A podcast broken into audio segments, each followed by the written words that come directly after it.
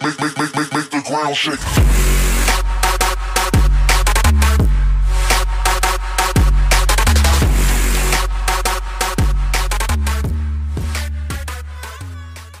Halo, selamat malam para pendengar setia podcast Alkisah. Balik lagi sama aku dan kedua teman SMP. Masih ada Aji dan Gali di sini. Jangan bosan ya. Jangan bosan-bosan dengan kami. Dan sekarang kita akan lebih ke sharing ya. Belum serius. apa pengalaman kita akan KKN dan volunteering yang ke daerah-daerah yang spektakuler. Wah, jadi Spektakuler. kita akan uh, sharing ke kalian barangkali ini bermanfaat untuk kalian pendengar yang yang uh, akan melakukan KKN atau sedang menyusun KKN atau mungkin kalian punya cerita juga tentang KKN nanti kita bisa sharing-sharing bareng dan sekarang uh, kita mulai dari uh, Aji yang akan bercerita tentang KKN-nya di kita lihat nanti. Rahasia. Saya pasti sak menit tuh. Oke. Jadi kebetulan aku kuliah di Atmat Jaya Yogyakarta, aku ambil arsitektur. Eh, di Atmat Jaya itu ada program KKN di mana itu hanya bernilai 2 SKS kan. Cuman yang banyak banget nilai yang bisa diambil lebih dari SKS itu. Pilihannya itu kalau di Atmat Jaya ada di Kalimantan ada di apa Jawa. Jawa itu Kulon Progo ataupun Gunung Kidul. Dan yang terakhir itu di mana namanya? Eh, Mentawai. Mentawai ya Sumatera ya? Eh, Mentawai ya Anak geografi udah berbicara. Oke. Jadi alasan aku, alasan aku ambil oh ya, saat KKN itu aku semester 7 di mana aku ambil di KKN di Ketapang, tepatnya di Kalimantan Barat. Eh, dia di Kayong Utara namanya, Kabupaten Baru. Tapi programnya masih sama-sama di Ketapang. Oke. Eh, kenapa ya aku milih sana tuh? Oke karena emang aku belum pernah keluar dari Yogyakarta untuk waktu yang sekian cukup lama. Satu bulan itu lama loh. Oh iya KKN itu satu bulan ya. Saya belum aku ceritakan. Tapi kayaknya beda-beda deh. apa? Maksudnya eh, apa range waktu KKN tuh beda-beda ya nggak? ya emang beda-beda. Oke. Aku pengen keluar di mana aku pengen tahu. Ya walaupun aku udah pernah ke Kalimantan Tengah sih. Tapi aku pengen ke Kalimantan Barat ini. Nah motivasiku yang pertama adalah eh, jujur ya dulu asik banget ya. Eh, budaya Kalimantan tuh yaitu makan babi makan hewan-hewan yang tidak biasa kan. Gila itu. Dan Makan ya, temen? ya makan temen. Banyak ada mas. Oh, ada. ada, oh, ada. ada. Everywhere pak ya, kan? Ya, ya arak tua it's fun. Waduh. it's so fun it's so fun ya. Tapi enggak itu itu itu bonus menurutku ya. Yang yang utama adalah di sana itu alasan utamaku adalah eh, kepedulianku terhadap orang-orang yang belum sadar dengan pendataan di mana di sana itu banyak lahan-lahan warga yang memang mereka tidak sadar dengan pentingnya pendat eh, sertifikat pentingnya data diri mereka dengan urusan pengambilan lahan oleh perusahaan-perusahaan sawit.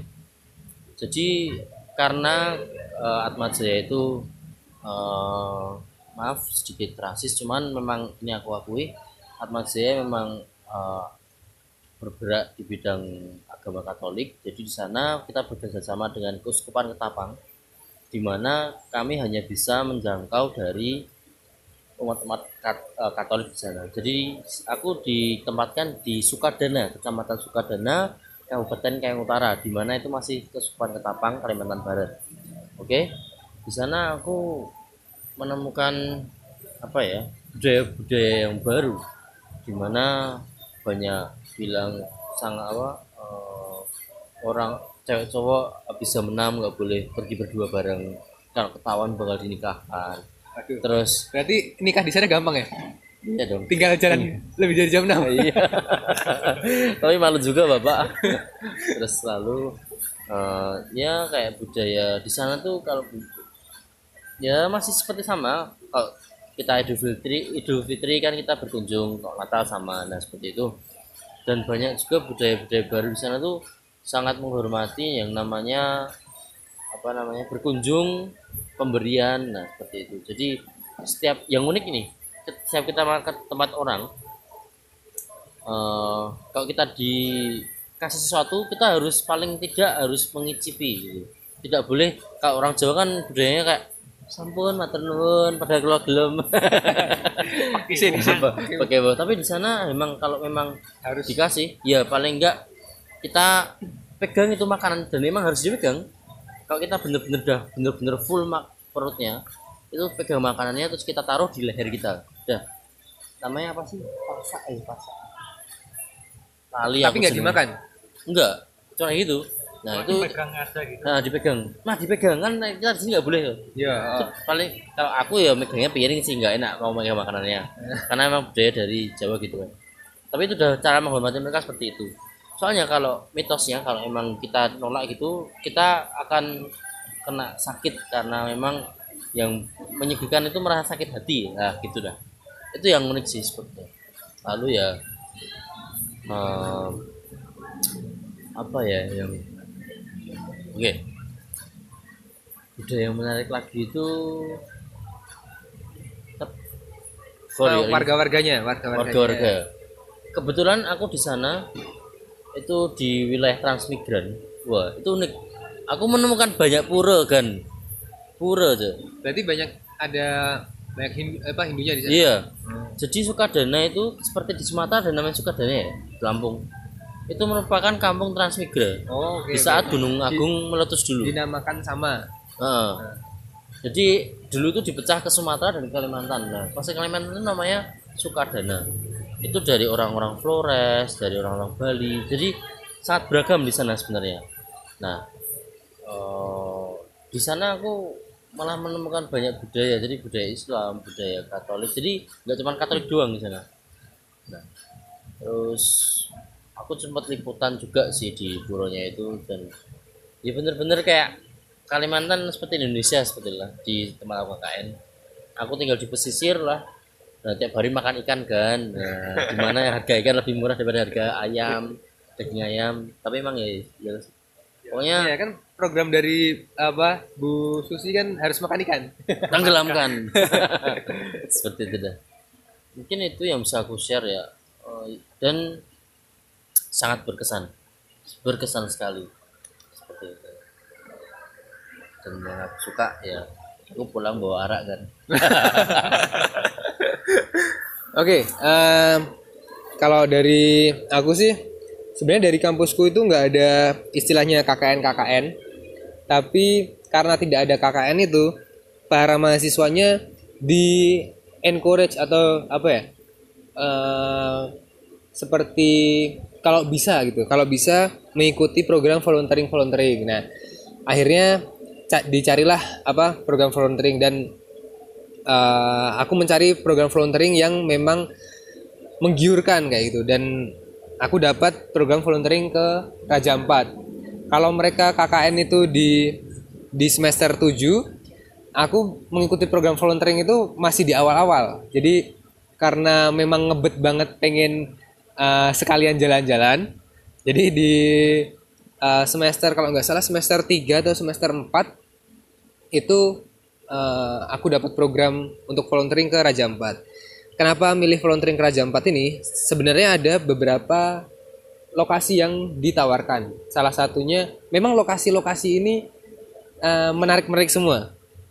Yang pertama itu ada di Bandung, di Lembang, terus ada di Lombok kalau nggak salah waktu itu, terus eh, ada di eh, daerah Jogja, terus sama di Raja Ampat. Nah, karena ke Raja Ampat ini itu merupakan suatu mimpi gitu.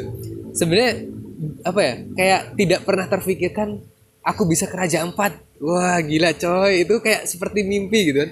Tapi akhirnya bisa terrealisasikan eh, apalagi dengan gratis itu pergi ke Raja Ampat kayak gitu. Dengan program ini. Nah, eh, di sana itu tujuan kita itu untuk eh, apa ya? Nah, yang namanya volunteering kita membantu apa yang kurang di sana. Di sana itu kita bagi menjadi fokusnya ada tiga, Eh, apa pengembangan desa, pendidikan, sama kesehatan. Nah waktu itu aku lebih ke pendidikannya. Di pendidikan di sana itu bayangkan, ini hal yang unik banget sih. Di eh, aku tinggalnya di Pulau Saonek. Jadi mereka itu memang ya gugusan-gugusan pulau. Di mana di Pulau Saonek itu cuma ada TK, SD, dan SMP.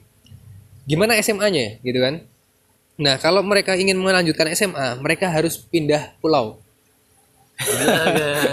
untuk untuk untuk apa ya mendapatkan pendidikan yang lebih tinggi mereka harus pindah pulau atau pulang pergi dengan kapal setiap hari dan pulang pergi itu biayanya itu 50.000 ribu Gila, kita aja 2000 kayak sambat pemenang. makanya jadi ya gimana ya mereka untuk untuk melanjutkan pendidikan itu harus pindah ke pulau lain ya Eh, atau eh, setiap harinya mondar mandir dengan uang 50.000 ribu Pindah pulau. itu sangat sangat apa ya eh, menurut aku prihatin itu prihatin juga Eh, tapi memang sumber daya di pulau tersebut itu tidak memadai karena guru SD dan SMP-nya mereka itu dijadikan satu juga Betul. Heeh. jadi memang sum- apa ya sumber tenaga SDM-nya itu kurang mereka butuh tambahan guru butuh seperti apa eh, alat-alat mengajar juga itu sangat sangat diperlukan oleh mereka gitu. Pengalaman-pengalaman unik yang baru aku pelajarin di sana itu eh, aku tinggal di pulau jadi pulau Saonek itu memang pulau yang didominasi oleh eh, Muslim. Jadi di sana itu ada masjid yang menurut aku lumayan besar dan terawat gitu. Terawat terawat dan eh, apa ya warga-warganya juga menyambut kita itu dengan baik gitu. Eh, tidak apa ya pe- pemikiran aku waktu wah ini bagian dari eh, apa ya eh, beda gitu. Waktu waktu waktu sampai ternyata eh, apa ya warga muslimnya itu banyak sekali dan hampir mungkin eh, berapa ya 80 persenan lah 80 persen dari warga Saonek itu eh, muslim dan sama seperti Aji juga setiap hari makannya ikan. Asik. dan mancing ikan tuh gampang banget. Tinggal nyemplung dari dermaga. Jadi eh, setiap hari setiap hari aku renang di sana. Diajari renang sama anak-anak anak-anak asli sana. Eh, nah mereka itu kayak free dive gitu terus menangkap ikan itu gampang banget. Bahkan cumi-cumi sekalipun itu bisa ditangkap di dermaga yang hanya tinggal eh, melemparkan kail terus diangkat udah dapat cumi-cumi. Mantap banget dan kalau kita terjun dari dermaganya itu udah udah kedalaman 10 meter mungkin. Jadi udah termasuk free dive. Nah eh, pengalaman yang unik itu kita kalau mau pindah ke pulau lain itu kan berarti harus pakai kapal. Nah ini perjalanan kapal yang paling paling lama aku. Jadi eh, kita diajak jalan-jalan ke pulau-pulau yang indah lainnya di gugusan Raja Ampat. Nah di kita tidak tidak melihat waktu sehingga waktu perjalanan pulang itu sampai larut malam. Nah di larut malam itu kita eh, ketemu maghrib lah. Jadi maghrib udah gelap banget. Jadi posisi gelap menggunakan perahu perahu perahu nelayan di, di tengah-tengah laut. Hah? Gimana maksudnya? Nah ya navigasi kan, navigasi. Nah ini sesuatu yang unik. Mungkin eh, hanya para pelaut yang tahu untuk navigasinya karena di sana tidak ada sinyal sedikit pun. Mau tahu kompas pun juga eh, nggak bi- nggak nggak aktif gitu kan. Jadi saat itu pulang mungkin sekitar jam 6 sore, 6 sore. Di sana tuh jam 6 tuh udah gelap banget. Apalagi di tengah-tengah laut kan. Nah, waktu di tengah-tengah laut itu tiba-tiba badai coy. Anjay, gila. heeh. Jadi wak- waktu di tengah-tengah itu kan gelap semua. Jadi kita tuh bisa ngelihat petir tuh jelas banget. Petir yang jatuh di laut. Itu jelas banget. Eh, dan itu eh, apa dengan kondisi badai ombaknya itu bayangkan kita cuma memakai eh, apa perahu perahu nelayan. Perahu nelayan eh, apa ombaknya cukup tinggi dan aku salut sama eh, apa pengemudi perahunya ini apa bap- bapak-bapak yang nganterin kita ini. Karena dia punya cara untuk memecah si gelombang-gelombang lautnya dan katanya itu belum badai yang eh, ini badainya itu belum apa-apa. Yang menurut kita itu kalau mungkin kalau bukan si bapaknya ini yang mengendarai kita bisa apa terbalik. Ah jadi itu kayak pertaruhan nyawa. Sumpah iya sumpah. Wes pasrah ya wah pasrah pasrah sumpah pasrah banget. Apalagi di beberapa daerah di sana itu ada yang namanya perairan buaya. Hmm. di dalamnya itu tinggal, eh, memang tinggal buaya kayak gitu. Hmm. jadi ngeri? iya emang emang ngeri, tapi memang pesona Raja Ampat itu untuk saat ini tidak terda- tertandingi lah.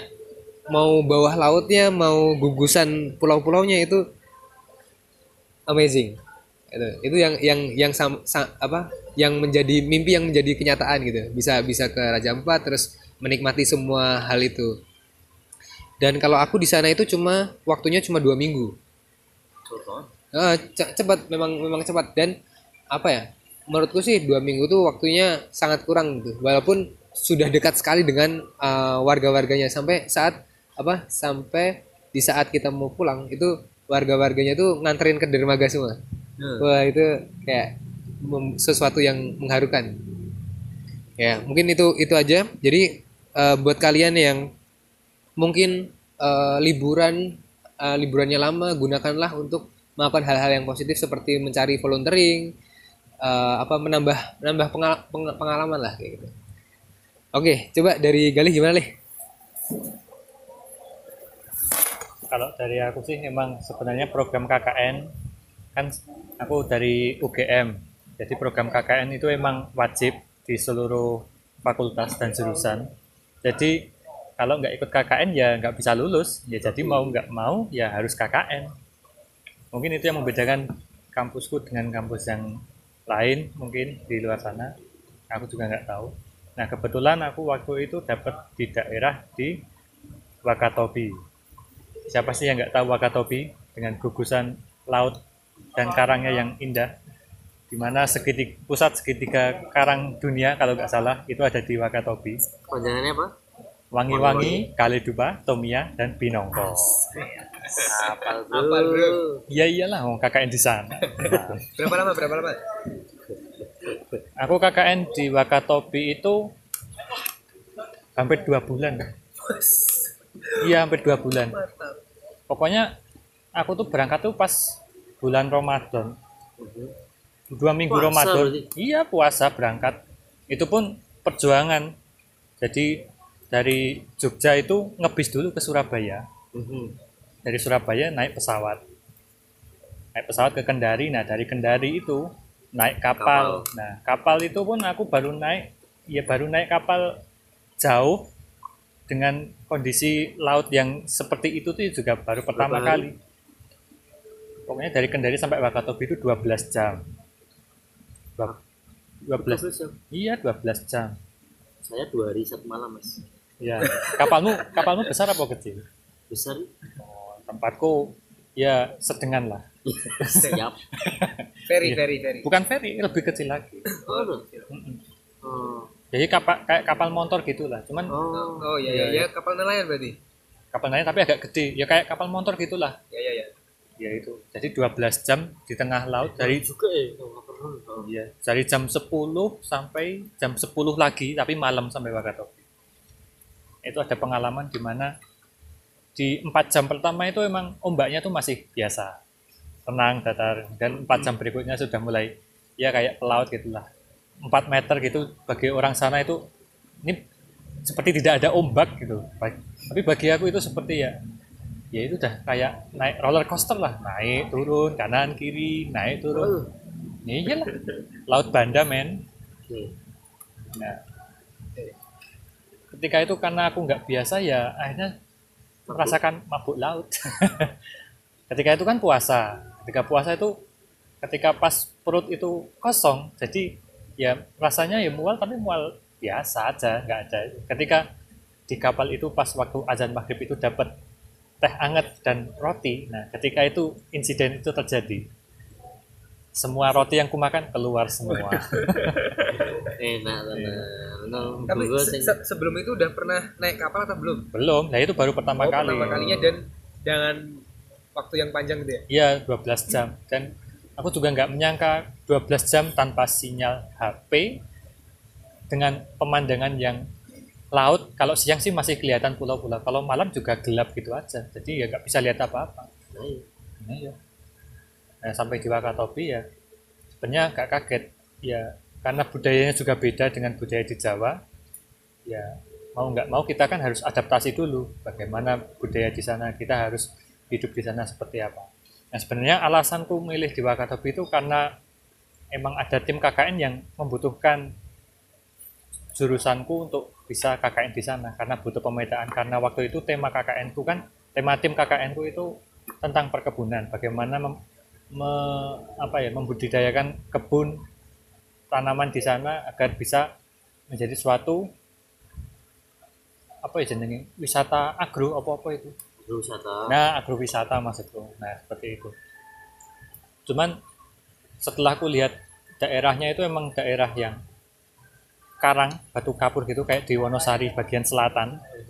Jadi kalau menurutku untuk ditanami itu agak susah. Cuman kemarin diusahakan akhirnya ya bisa berkembang. Dan malah sekarang yang kulihat dari Facebooknya Pak Kepala Desa itu sekarang jadi apa jenengan daerah wisata lah kayak kalau misalkan di apa ya di tempat selfie gitulah.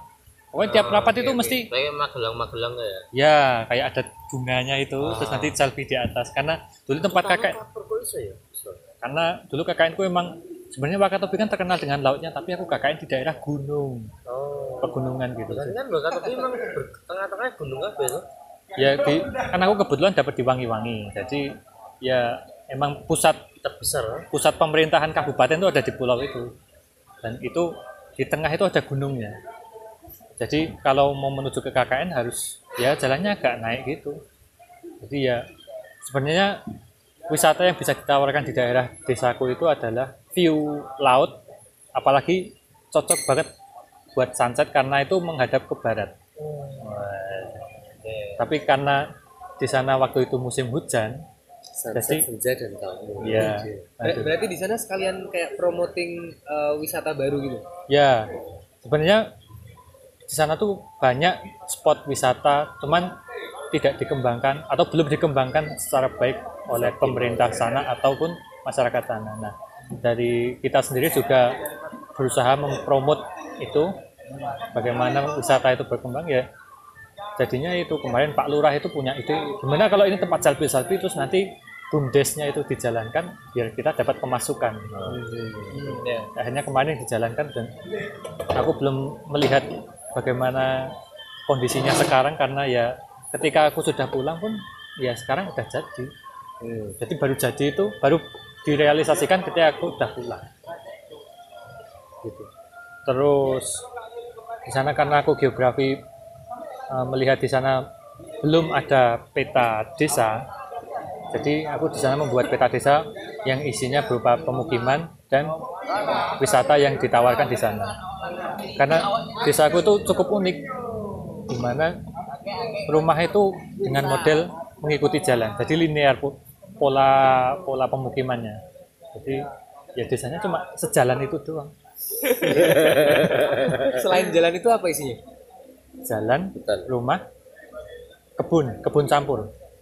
mencampur ke kebun campur jadi kayak kelapa terus nanti ditanami coklat terus ada sebenarnya lebat cuman daerahnya kayak gimana ya aku bilangnya tuh batuan yang di atasnya tuh ada tanahnya jadi bisa tumbuh.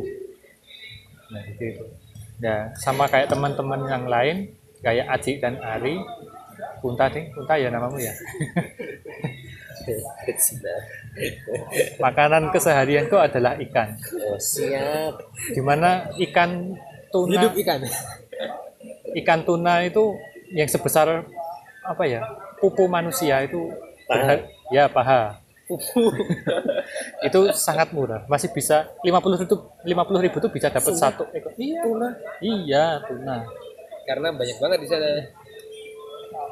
Terus aku beli ikan kakap itu 32 ribu dapat 8 biji. Itu pun 2 kilonan. Oke. 32 ribu. Makanya itu waduh. Makanya dulu aku bisa kurus karena makan ikan terus di sana protein tak ya Iya, karena harga ayam di sana sangat mahal dibandingkan ikan. Jadi gitu. Kemudian Iya. budaya ya kebetulan di Wakatobi itu setauku juga 100% itu muslim. Jadi sana tuh banyak masjid. Yang setauku juga tak kira ki Wakatobi ki ya ada banyak agama gitu. Cuman sampai di sana muslim. sing kuwi sing apa pelabuhan utamanya itu yang apa lab baj lab baju eh.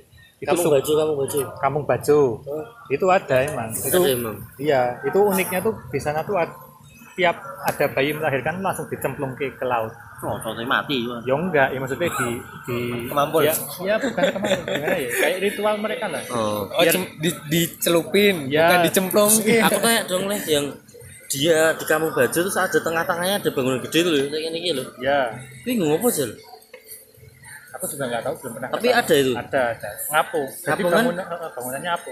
Jadi kebanyakan tuh kayak reklamasi tahu gitu. Lama banget ya aku cerita. Oh, enggak sih, itu menambah wawasan kita juga ya. hmm. Worth it bro Ada lagi. Ya, jadi sana juga terkenal dengan spearfishing. apa itu Oh ya, aku juga mencoba merasakan itu beberapa kali spearfishing. Diajarin. Spearfishing tuh kayak apa ya kita menyelam tanpa bantuan oksigen sama sekali kayak free dive tapi menembak ikan. hmm tahu tahu Tapi kalau di Wakatobi itu orang-orang terbiasanya menembak ikan itu malam hari karena alasannya ikan itu pada tidur. Nah, pas tidur itu mudah sekali untuk ditombak. lah cahayanya Ada senter di sini. Agak lama. bengi nyelam mbak Itu- Itu ada loh yang ngajak, ayo jam 12 malam kita keluar spearfishing. kok yang menyemplung leh nggak mau nah, wajar renang aja juga ya pas-pasan gitu Daripada nyawa melayang. gelap kan nggak lihat apa-apa tahu-tahu hilang aja ke laut Eh. gitu Nah, mungkin itu aja sih. Untuk masalah bawah lautnya tidak nggak usah dipertanyakan lagi emang it's amazing. bagus sekali. Sih ada kesempatan diving juga di sana ada kenalan terus diajak diving. Bukan kita yang ngajak tapi mereka yang ngajak kita diving. Ya gratis lah gitu Mantap. kapan lagi?